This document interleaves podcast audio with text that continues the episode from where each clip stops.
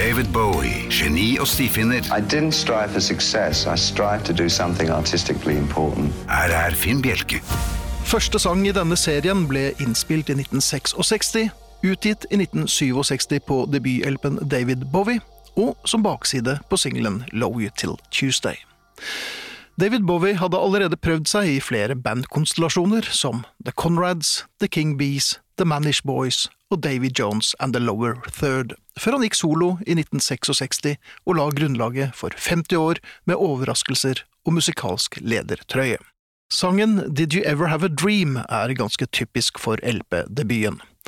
En samling vaudeville- og music hall-låter som passer fint inn i tiden de ble gitt ut, men som i dag fremstår som kuriositeter i Bowies diskografi.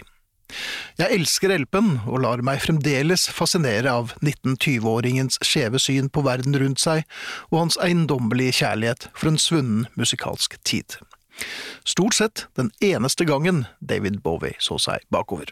Did You Ever Have a Dream var altså baksiden til Love You Till Tuesday, som var oppfølgeren til novelty-låten The Laughing Gnome, som heller ikke satte fyr på hitlistene, ja, før seks år senere, da. Ni singelutgivelser uten én eneste hit. Det er nok til å ta motet fra noen og enhver. Men i 1969 ga Bowie ut Space Oddity, og eventyret var endelig i gang. I 1967 debuterte han altså med den selvtitulerte LP-en som inneholdt et knippe låter som alle kunne være fetterne til Wenham 64.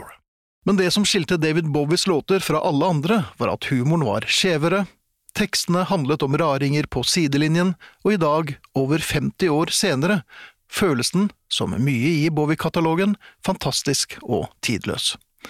Og hvis man legger godviljen til, kan man ane et slektskap til en episk utgivelse som kom 20 år senere.